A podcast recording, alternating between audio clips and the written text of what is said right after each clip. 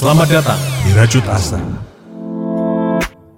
Tahun 2020 ini so far unpredictable, challenging, seperti film yang penuh dengan plot twist atau roller coaster yang naik turun dan terus berputar-putar.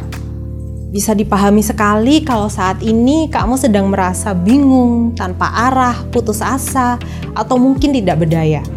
It's okay, semua perasaanmu itu valid Hai Prajut, namaku Devi Susilo, psikolog klinis. Kita memang sedang berada di sebuah kondisi yang penuh dengan perubahan drastis, penuh dengan ketidakpastian. Bingung kan? Nah, apa sih yang bisa kita lakukan untuk mengatasi kebingungan kita? Pertama, beri ruang dan waktu pada dirimu untuk memproses semua perasaan tersebut. Coba mengerti apa yang sedang kamu rasakan. Marah, sedih, takut, khawatir, jangan merasa bersalah untuk perasaan yang ada dalam dirimu. Itu normal. Perasaan itu adalah respon kita terhadap kesulitan dan tantangan yang sedang kita hadapi di masa yang sulit ini. Jadi, jangan terlalu galak sama diri sendiri. Menyalahkan diri sendiri ataupun merasa lemah dan gagal pada saat kamu merasakan emosi-emosi yang negatif. Kedua, pisahkan hal-hal yang ada di dalam kontrol kita dan apa yang di luar kontrol kita.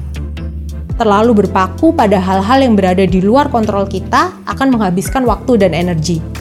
Waktu dan energi tersebut akan jauh lebih bermanfaat kalau digunakan untuk menyikapi hal-hal yang dapat kita kendalikan. Contohnya, mengevaluasi dan memperbaiki pola pikir, sikap kita saat menghadapi masalah, atau menambah keterampilan yang kita miliki. Hal tersebut dapat kita asah dan tingkatkan secara perlahan. Tahu nggak? Di saat yang serba tidak pasti seperti ini, proses pengembangan dan aktualisasi diri tadi justru semakin penting dan berharga. Investasi waktu untuk proses pemberdayaan diri atau self-empowerment akan membantu kita untuk bangkit dan beradaptasi pada era new normal ini.